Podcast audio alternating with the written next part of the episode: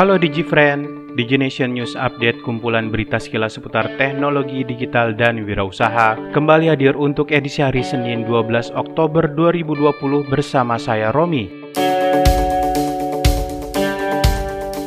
Perubahan pola hidup masyarakat Indonesia di masa pandemi COVID-19 yang cenderung lebih banyak mengandalkan internet ternyata turut berimbas pada kenaikan jumlah upaya serangan cyber. Berdasarkan data dari Badan Cyber dan Sandi Negara BSSN, sepanjang bulan Januari hingga Agustus 2020 terdapat hampir 190 juta upaya serangan cyber di Indonesia, naik lebih dari empat kali lipat dibanding periode yang sama tahun lalu yang tercatat di kisaran 39 juta. Angka terbanyak dicatat pada Agustus 2020 di mana BSSN mencatat jumlah serangan cyber di kisaran 63 juta, jauh lebih tinggi dibandingkan Agustus 2019 yang hanya di kisaran 5 juta. Kasubdit Identifikasi Kerentanan dan Penilaian Resiko Infrastruktur Informasi Kritikal Nasional 3 BSSN Sigit Kurniawan mengatakan kenaikan tajam jumlah serangan cyber di Indonesia dipengaruhi langsung oleh perubahan pola hidup masyarakat selama pandemi. Data dari Kementerian Komunikasi dan Informatika turut menunjukkan bahwa angka penggunaan internet di Indonesia selama pandemi memang meningkat hingga kisaran 40%. Peningkatan itu tak lain disebabkan oleh kebijakan social distancing yang membuat warga bekerja, belajar, dan melakukan berbagai aktivitas lain dari rumah lewat sambungan internet.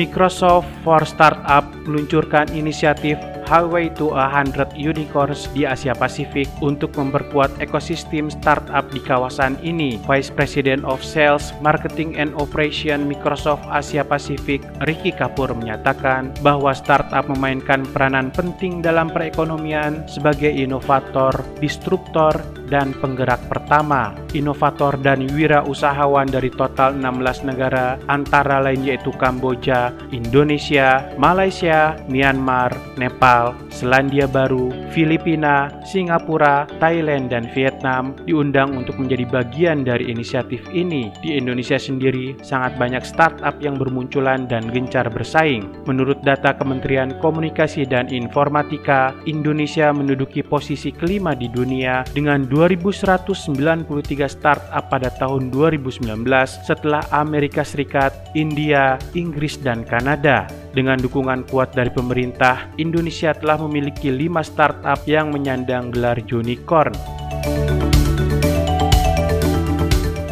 Aplikasi Amarta dari PT Amarta Mikro Fintech mencatatkan peningkatan kinerja pendanaan jika dibandingkan dengan tahun lalu. Hingga September 2020, Amarta mencatat pertumbuhan angka pendana atau lender sebesar 34% dan angka peminjam atau borrower sebesar 100,98% dibandingkan dengan tahun sebelumnya. Pendiri dan CEO Amarta, Andi Taufan Garuda Putra menjelaskan bahwa saat ini tercatat sekitar 500 ribu lebih mitra Amarta yang merupakan pengusaha mikro desa. Berdasarkan laporan akuntabilitas sosial Amarta yang terbaru, tingkat literasi keuangan mitra Amarta juga meningkat hingga 23,15 persen.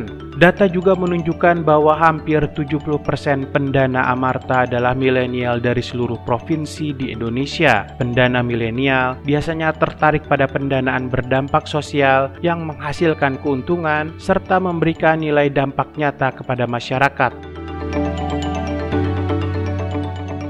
Demikian rangkaian Digenation News Update kali ini. Untuk informasi seputar teknologi digital dan wirausaha lainnya, silakan cek www.digenation.id. Salam dan terima kasih.